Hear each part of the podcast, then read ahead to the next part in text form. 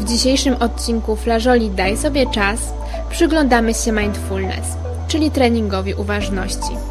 Moim gościem jest Joanna Kaczmarek, trenerka mindfulness, założycielka Center of Mindful Changes i autorka programu rozwoju uważności.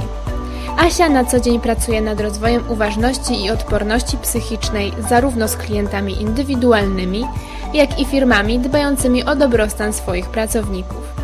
Dziś porozmawiamy o schematach, w jakie nieustannie popadamy, o tym, jak nie dać za wygraną wewnętrznemu krytykowi, który chce przeszkodzić nam w działaniu i o tym, jak uważnie pić kawę. Zapraszamy do wysłuchania. Cześć Asiu, bardzo dziękuję Ci, że zgodziłaś się z nami porozmawiać. To ja dziękuję za zaproszenie, jest mi bardzo miło. Na początku e, chciałam nawiązać do nazwy mindfulness. To jest taka nazwa, którą bardzo trudno jest przetłumaczyć na język polski. E, I tak, i nie. Jakby takie najprostsze tłumaczenie, e, które mamy, to mówi, że mindfulness to inaczej uważność. I teraz jakby trudniejsze jest to, co, żeby zrozumieć, czym ta uważność jest, bo myślę, że tutaj jest dużo takiego niezrozumienia i mitów już na poziomie samej definicji. Czym dla Ciebie jest mindfulness? Jaka jest Twoja definicja tego zjawiska? Wiesz co, ja bardzo lubię tę definicję profesora Johna Kabat-Zina. On jest właśnie ojcem, założycielem tego nurtu mindfulness i chyba się bardzo z nią utożsamiam. I według profesora Johna Kabat-Zina mindfulnessem nazywamy specjalny rodzaj uwagi. Takiej uwagi, która charakteryzuje się jakby trzema cechami. Po pierwsze jest to uwaga świadoma, czyli my musimy chcieć być uważni w danej chwili. To nie jest tak, że ta uważność przytrafia nam się sama z siebie. Ta druga cecha to jest uwaga, e, która jest nieoceniająca, czyli podchodzimy do naszego doświadczenia, do jakiegoś wydarzenia z otwartą głową, bez e, zbędnych założeń, bez oceniania tego, co się wydarza i to jest dosyć trudne. No i ta trzecia cecha y, uważności, no to jest uwaga skierowana na tu i teraz, czyli nie na przeszłość, nie na przyszłość, tylko na te doświadczenie nasze w bieżącej chwili. I ja chyba lubię najbardziej właśnie taką definicję, która pokazuje jakby do jakiej my uwagi dążymy, czyli w tych treningach mindfulness, wszystkich ćwiczeniach uważności, które wykonujemy, my właśnie uczymy się przywoływać taką uwagę świadomą, nieoceniającą, nastawioną na bieżącą chwilę, no i robić z nią użytek taki, jaki jest nam potrzebny. Na przykład wysyłać ją do zadania, które w chwili obecnej realizujemy po to, żeby się lepiej skoncentrować. Taką uwagę możemy też skierować na siebie, do swojego wnętrza, żeby zobaczyć, co się z nami dzieje i z takiej właśnie uwagi świadomej, nieoceniającej, nastawionej na bieżącą chwilę jesteśmy w stanie zrobić naprawdę bardzo, bardzo dużo. Na czym to polega w praktyce? No właśnie, to, to polega w praktyce na tym, żeby nauczyć się przywoływać taką uwagę. Tak? Najpierw musimy się e, dowiedzieć, jaka to jest uwaga. I tego się uczymy zazwyczaj w medytacji. W medytacji poznajemy bardziej siebie i poznajemy ten stan uważności. Co to znaczy, kiedy ja jestem uważna, kiedy ja wiem, co się dzieje ze mną w chwili obecnej na takich trzech poziomach. E, coś, co nazywamy trójkątem świadomości. Na poziomie ciała, na poziomie myśli i na poziomie emocji. Czyli po pierwsze, ja mam świadomość tego, co się dzieje ze mną, w środku we mnie, na poziomie ciała, myśli i emocji, ale też mam świadomość tego, co się dzieje wokół mnie, tego mojego otoczenia, moich relacji z otoczeniem. Więc tak naprawdę jakby e, jestem w takim trochę zatrzymaniu, przyglądam się sobie i przyglądam się swojemu otoczeniu z taką ciekawością, e, z tak taką właśnie uwagą nieoceniającą po to, żeby móc świadomie podejmować decyzję, co ja chcę zrobić w jakiejś konkretnej sytuacji, a nie być sterowana jakimiś automatycznymi działaniami, mechanizmami, które mamy y, wbudowane już y, w nasz sposób myślenia i które wynikają jakoś z pracy naszego mózgu. Z tego, co powiedziałaś, wydaje mi się, że trenować uważność możemy właściwie w każdej chwili i w każdym miejscu. I to jest prawda, tylko najpierw musimy trochę wiedzieć, co my trenujemy, e, bo no pewnie bardzo popularne są w chwili obecnej takie ćwiczenia, które pomagają nam zwiększać uważność i można tego znaleźć mnóstwo w internecie. Na przykład pójście na uważny spacer i skoncentrowanie się na wszystkich zmysłach, na dźwiękach, na tym, co się z nami dzieje podczas tego spaceru. Albo uważne wypicie e, kawy czy herbaty, tak jak mamy te wszystkie ceremonie parzenia, na przykład japońskie ceremonie parzenia herbaty, tak? To też jest jakaś praktyka uważności e, i takie ćwiczenie mindfulness. Natomiast, żeby je dobrze zrobić i żeby wiedzieć, co my chcemy osiągnąć w tej chwili, no to bardzo przydaje się ta medytacja, bo to właśnie w medytacji uczymy ten nasz umysł e, tego stanu funkcjonowania takiego uważnego i uczymy się przyglądać też sobie, więc Rzeczywiście można ćwiczyć uważność na wiele sposobów, natomiast fajnie by było jednak praktykować też tą medytację, bo często osoby, które chcą się uczyć uważności, unikają trochę tej medytacji. Natomiast bez tej medytacji, e, no ten trening jest trochę niepełny e, i nie mamy aż tak dużej świadomości siebie i tego momentu zatrzymania. Mindfulness jest mimo wszystko, wydaje mi się, w Polsce dosyć nowym zjawiskiem, które pojawiło się na przestrzeni ostatnich y, wiem, kilku lat. Coraz więcej osób w Polsce rzeczywiście trenuje uważność i przekonuje się do tego, że to jest y, istotna kwestia rozwoju i, i życia w ogóle. Wiesz, y, na pewno ostatni rok bardzo zmienił y, całą tą sytuację i pandemia przyspieszyła rozwój i wdrożenie uważności y, do naszego życia. I dzięki tej pandemii, stresowi, który przeżyliśmy bardzo silnemu, rzeczywiście uważność stała się bardziej popularna też dla takich osób powiedzmy prywatnych.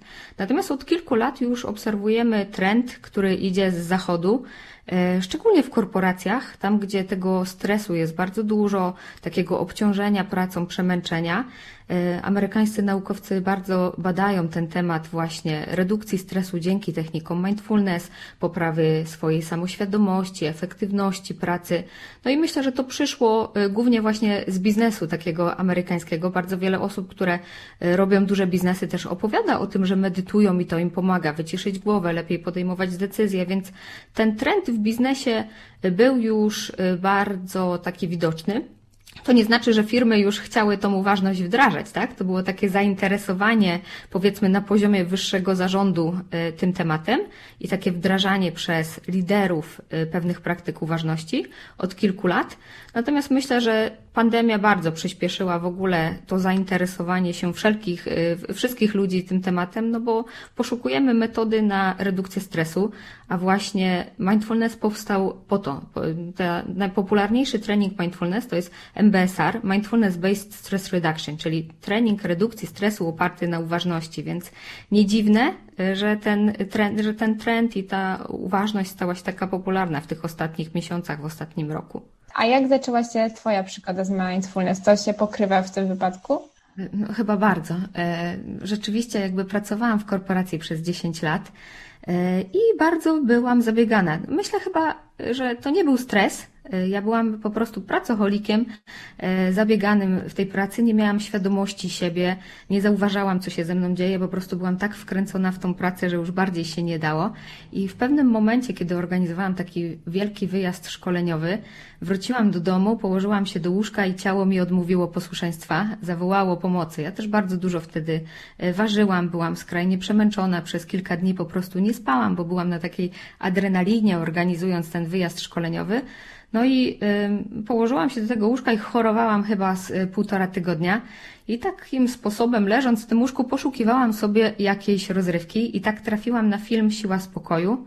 E, I on mi przypomniał o koncepcji mindfulness. Ja już parę razy podchodziłam do medytacji, do uważności, natomiast nigdy to jakoś ze mną nie zostało na dłużej i nie umiałam się do tego przekonać. Natomiast w tym momencie, kiedy rzeczywiście zrozumiałam, że ja y, zapomniałam o sobie w tym wszystkim, że skupiłam się tylko na pracy, że zapomniałam o moich potrzebach, no to ten film jakby trafił do mnie w dobrym momencie. Wróciłam do tych technik mindfulness, zapisałam się na kurs redukcji stresu e, i obserwowałam, jak mocno to mi pomaga e, wyciszać się, łapać lepszy kontakt ze sobą, jak pomaga mi w relacjach, jak pomaga osobom e, w moim gronie. No i tak zaczęłam się tym tematem bardziej interesować i postanowiłam zostać trenerką uważności. Dużo osób, które znajduje się właśnie w takim momencie, wybiera jednak, e, tak mi się wydaje, jogę, na przykład ze względu na to, że ona jest bardzo popularna. Jak rozpoznać swoje potrzeby i czy mindfulness jest dla każdego? Myślę, że mindfulness jest dla każdego e, i mindfulness też ma różne postacie, bo e, w trakcie jogi e, też w pewnym sensie praktykujemy uważność, tak? Bo my musimy przyglądać się temu, jak wykonujemy pozycję, jak oddychamy, czyli jakby mamy taką świadomość siebie w danej konkretnej sytuacji. Oczywiście pewnie mniej przyglądamy się wtedy swoim myślom, swoim emocjom, tym schematom, w które wpadamy, natomiast powiedzmy, że w naszym umyśle zaczyna się dziać to samo, co się dzieje w trakcie treningu uważności. Zaczynamy być bardziej wyczuleni na swoje potrzeby, więc to też dla mnie jest taki rodzaj uważności. Tak samo, jeżeli wchodzimy na przykład w jakieś techniki, które pomagają nam lepiej rozumieć siebie, no to tą uważność odnajdziemy wszędzie. Więc jeżeli chodzi o ten trening y, mindfulness, to dla mnie to nie jest coś oderwanego. My się uczymy pewnej umiejętności, którą możemy wykorzystywać później w różnych kontekstach. Czy to na przykład w trakcie jogi, czy uprawiając sport, czy realizując jakieś konkretne zadania. Więc dla mnie to jest taka umiejętność, powiedzmy, nadrzędna nad tym, co później wykonujemy. I my tą uważność mamy w różnych czynnościach, czy w technice jogi, czy w jakichś innych medytacjach, po prostu też inaczej nazywa. Natomiast to tak naprawdę jest to samo, co my chcemy zrobić. My chcemy nauczyć się rozpoznawać schematy, w które wpadamy, y, zrobić sobie chwilę zatrzymania, złapać taki świadomy oddech, powiedzmy, na moment i zadecydować, jaką decyzję my chcemy podjąć w danym momencie. No i ten moment takiego zatrzymania, takiej uważności na siebie, jakby ćwiczymy w różnych technikach, takie mam wrażenie. I w tej jodze na pewno y, też ta uważność jest bardzo obecna. Czyli na początku rozpoznajemy swoje potrzeby, rozpoznajemy, że w ogóle jesteśmy w takim momencie swojego życia, w którym czegoś nam potrzeba, a później jak e, zacząć trenować uważność. To taki basic. Zresztą no ja na pewno bardzo zachęcam do tego, żeby uczyć się z trenerem, który e, wie co robi, tak? I żeby nauczyć się e, pewnego mechanizmu, trochę przyjrzeć się swojemu umysłowi, temu jak wpadamy w jakieś schematy, dlaczego tam wpadamy, co się dzieje z nami, jakby kiedy mamy jakąś trudną emocję, co się dzieje właśnie na poziomie ciała, myśli, jaki bodziec ją uruchamia. I my to wszystko robimy w trakcie treningów uważności uważności. Najpierw uczymy się właśnie, czym jest ta uważność, jak ją przywoływać. Koncentrujemy się na przykład na takich technikach, które nam y, pomagają bardzo szybko przełączyć się w tryb uważności. To powiedzmy jest obserwacja naszego oddechu, to może być przeniesienie się w doznania zmysłowe, czyli jakby doświadczanie wszystkimi zmysłami y, tego, co się dzieje wokół nas. To są takie bardzo proste triki, które od tak przenoszą nas do tego trybu uważności, a później uczymy się siebie w różnych takich kontekstach. Po pierwsze, w kontekście stresu. Co mnie stresuje, dlaczego, kiedy to się dzieje, jak ja się zachowuję w tym stresie, co się dzieje w moim ciele, jak ja mogę sobie pomóc. Y, uczymy się rozpoznawać emocje i pracować z naszymi emocjami y, i tymi trudnymi, i tymi y, przyjemnymi, po to, żeby też celebrować jakąś piękną chwilę, być bardziej wdzięcznymi wobec tego, co się nam przytrafia. No i też uczymy się E, pracy z naszymi myślami, bo myśli wpływają na nasze emocje, emocje wpływają na nasze zachowania, więc żeby zmienić jakiś schemat, no to my też musimy dojść do tego, co gdzieś tam jest na początku, a to bardzo są często jakieś przekonania, które mamy w głowie. Uczymy się obserwować te swoje myśli, wychodzić z tego stanu takiego zatopienia w myślach. I myślę, że to też jest taki moment e, chyba w pandemii, w którym odkryliśmy, że myśli mają ogromną moc że jak my zaczynamy się stresować e, tą sytuacją, chorobą, jeszcze nic nam nie dolega, natomiast e, już powoli jakby potrafimy sobie wykreować na poziomie myśli pewne doznania z ciała, strach, e, panikę, jakby uruchamia się ten stres od samego myślenia o tym, że moglibyśmy zachorować, no to tutaj jakby myślę, że to był taki pierwszy moment, w którym zrozumieliśmy, potęgę myśli, y, tak naprawdę, jak one mogą nam wiele niedobrego zrobić. I w trakcie treningów uważności też się uczymy z tymi myślami pracować. Więc ja na pewno zachęcam do tego, żeby spróbować przejść przez taki ustrukturyzowany trening nauczyć się pewnych schematów, które możemy wykorzystywać, kiedy się zatapiamy w myślach, kiedy mamy jakieś trudne emocje, kiedy jesteśmy w sytuacji stresowej. Natomiast, y, no, jasne, że nie każdy ma takie możliwości i nie każdy y, może iść na taki trening, więc to, co warto zrobić po prostu, no, mnóstwo jest materiałów w internecie, ja także mam mnóstwo medytacji, nagrań, ćwiczeń, od których można sobie zacząć i na początek po prostu poprzyglądać się sobie, jak ja włączam sobie jakąś medytację, co się ze mną dzieje, jak ja się zachowuję, zrobić to z tymi instrukcjami, które są podane w trakcie tej medytacji i popróbować poszerzać tą swoją świadomość. I często, jeżeli nie mamy bardzo silnych traum, trudnych doświadczeń, powolny rozwój naszej uważności samodzielnej też jest jak najbardziej w porządku. Natomiast jeżeli potrzebujemy przyspieszyć ten y, proces, nauczyć się siebie bardziej, no to na pewno zachęcam do tego, żeby zapisać się czy na jakiś program mindfulness, taki mm, internetowy, czy na kurs MBSR, taki typowy redukcji stresu, to też może być pomocne. Jak wygląda takie przykładowe ćwiczenie mindfulness, które, z którym możemy się spotkać na takich e, zajęciach? Zazwyczaj jest tak, że w każdym tygodniu uczymy się jakiejś medytacji i my traktujemy medytację jako podstawę do tego, żeby pracować z naszym umysłem, bo my chcemy w tym treningu uważności Y, nauczyć nasz umysł innego sposobu reagowania, odpowiadania na to, co się pojawia. Więc musimy go trochę wytrenować i podstawą każdego treningu uważności są medytacje, które powiedzmy uczymy się jakiejś struktury medytacyjnej na spotkaniu, a później powtarzamy tą medytację codziennie przez ileś tam dni, po to, żeby uczyć nasz umysł nowego nawyku.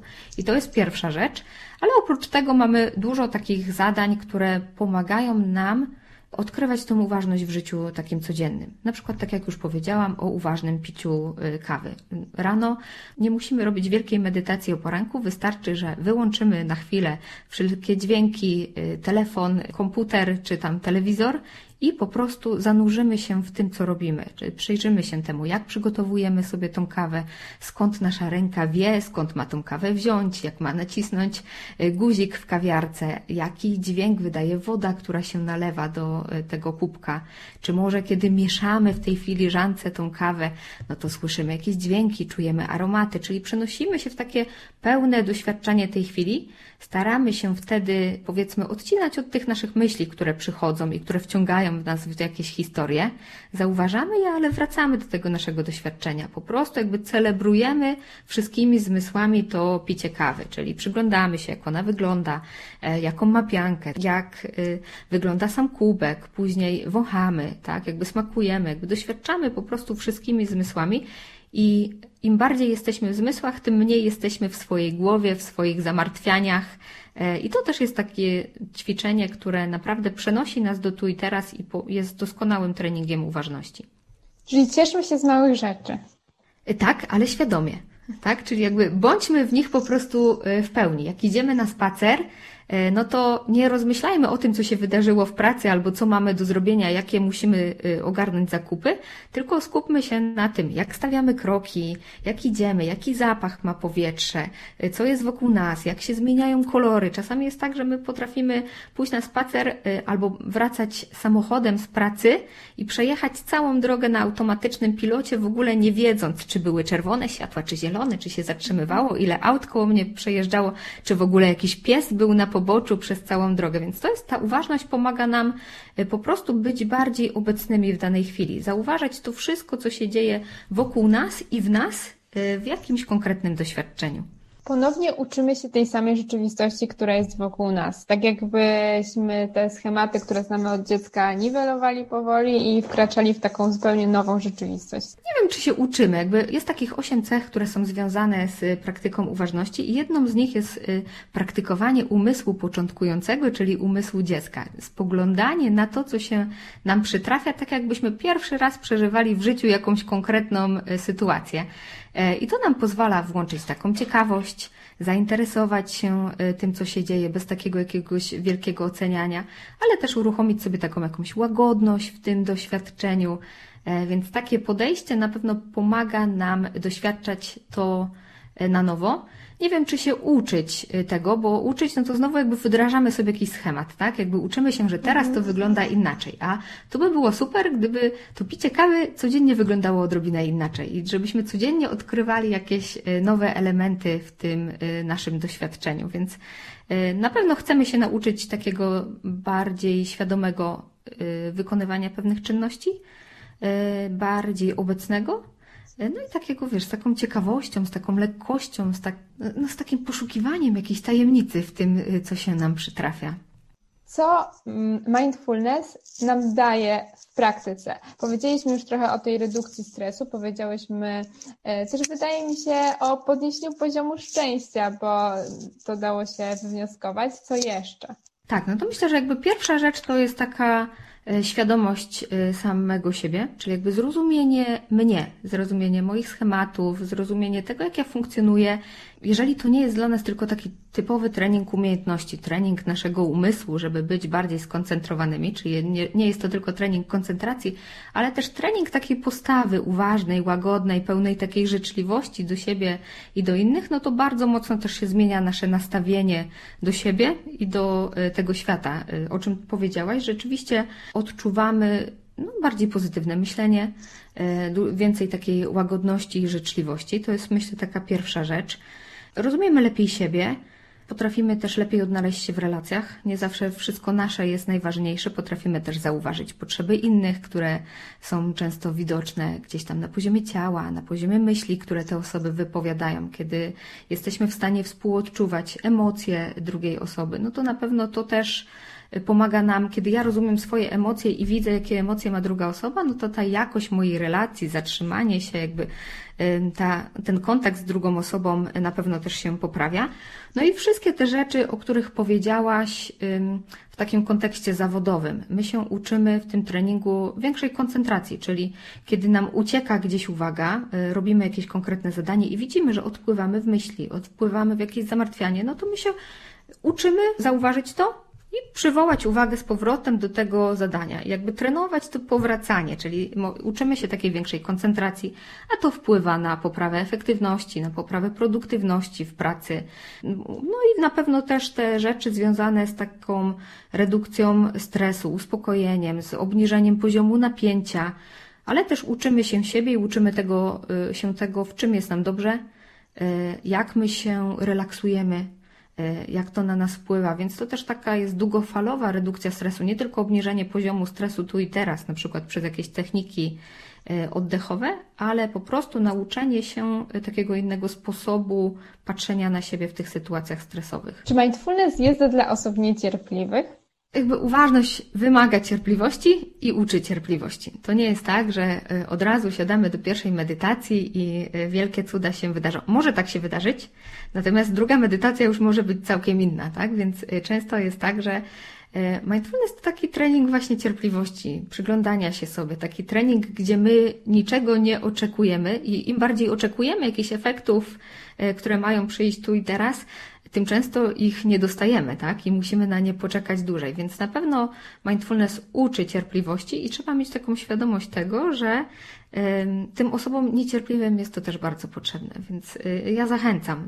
Na pewno takim osobom trudniej utrzymać y, tą dyscyplinę, bo chciałyby mieć efekty y, tu i teraz, natomiast chyba nie ma żadnych magicznych metod oprócz odsysania tłuszczu na to, żeby rzeczywiście mieć efekty tu i teraz, a później jakby nawet znowu nienaprawiony schemat wraca ponownie i trzeba ponownie ten zabieg powtarzać, więc no tutaj ta cierpliwość jest bardzo potrzebna, ale też ona przychodzi z praktyką. Ile trzeba czekać na mm, takie efekty już odczuwalne, zauważalne? E, wiesz co, myślę, że e, każdy po pierwszym ćwiczeniu poczuje, co to znaczy uważność. Wystarczy zrobić sobie jedną medytację, jedno ćwiczenie, żeby rzeczywiście poczuć jakieś rozluźnienie, redukcję stresu, takie proste medytacje, na przykład z wizualizacjami, na przykład medytacja jeziora, która mocno wpływa na wyciszenie nas, czy medytacja góry, która buduje w nas taką wewnętrzną siłę. To są takie praktyki, które bardzo szybko mogą dać nam efekty. Nawet możemy zauważyć w tej jednej medytacji. Natomiast, żeby te efekty zostały z nami na stałe, no to tutaj już trzeba jakiegoś powtarzania tych y, konkretnych praktyk, żeby to było, żeby to się stał z czasem nasz naturalny sposób odpowiadania na jakieś konkretne sytuacje, a nie e, dalej coś, nad czym musimy się bardzo mocno e, siłować. Więc myślę, że warto spróbować e, tu i teraz włączyć cokolwiek, zrobić sobie ćwiczenie z kawą i zobaczyć, jak szybko jesteśmy w stanie poczuć pierwsze efekty. Ale żeby one zostały z nami na dłużej, no to warto sobie ustalić jakąś rutynę medytacyjną w ciągu tygodnia, powiedzmy.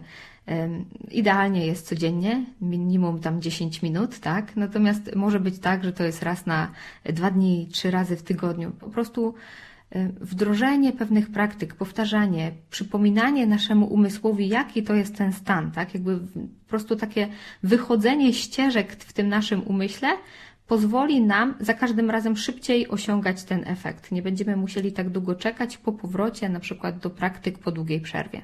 Czy trening uważności może pomóc nam zwiększyć naszą odporność psychiczną? Czym w ogóle jest odporność psychiczna? Może powinniśmy zacząć od tego. To jest taki dosyć rozbudowany konstrukt, w którym mamy i taką część związaną z pewnością siebie, z naszym podejściem do wyzwań, z tym, jaki mamy wpływ, jak czujemy nasz wpływ na naszą sytuację, więc tam jest trochę więcej różnych obszarów.